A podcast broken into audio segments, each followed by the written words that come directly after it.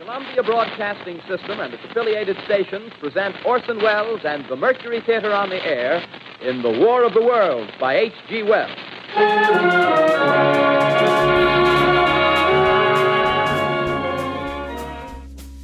Wojna Światów Orsona Wellesa.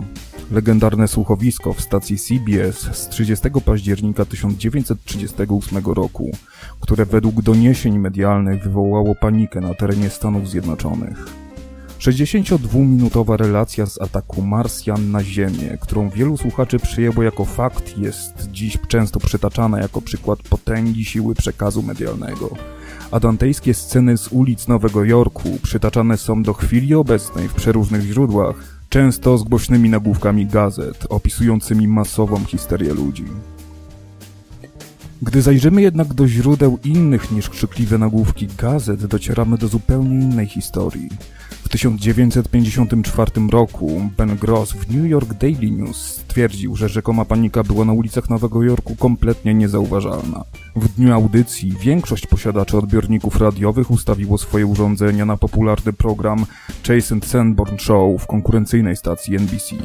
Tego samego wieczoru C. Hopper Company przeprowadziła telefoniczną ankietę wśród 5000 osób, zadając proste pytanie. Jakiego programu słuchasz? Jedynie 2% słuchało wówczas Wojny Światów w CBS. Sam Wells później zaznaczył: Chcieliśmy, by ludzie rozumieli, że nie należy przyjmować ślepe jakiejkolwiek opinii, bezmyślnie przyjmować wszystkiego bez względu na to, czy to program radiowy, czy nie. Muszę jednak stwierdzić, że to był jedynie po części kontrolowany eksperyment.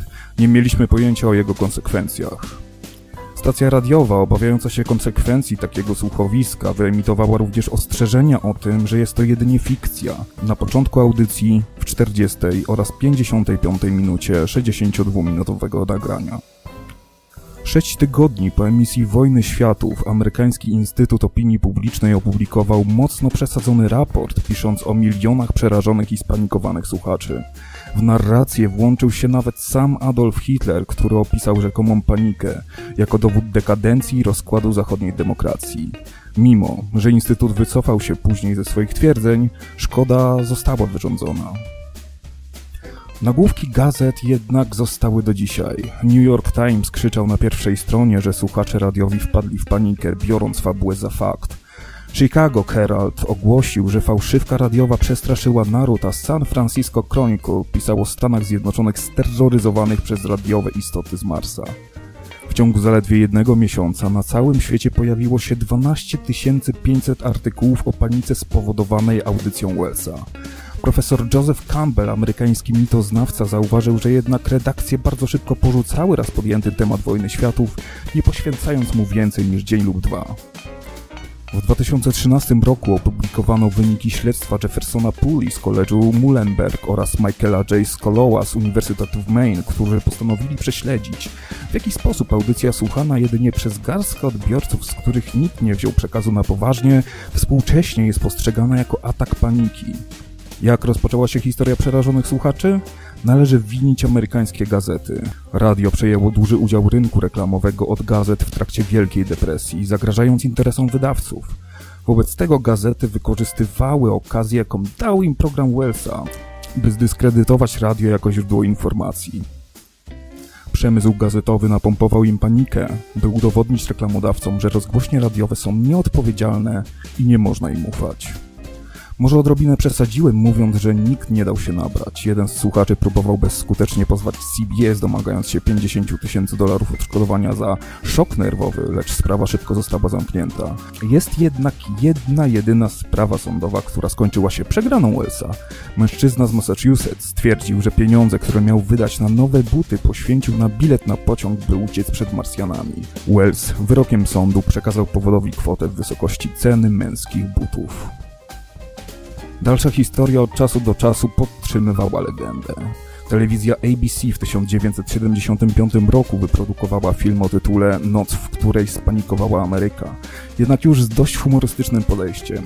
Zaś w parodii w serialu Simpsonowie Homer Simpson zostaje przekonany, że Marsjanie zjedli prezydenta Stanów Zjednoczonych.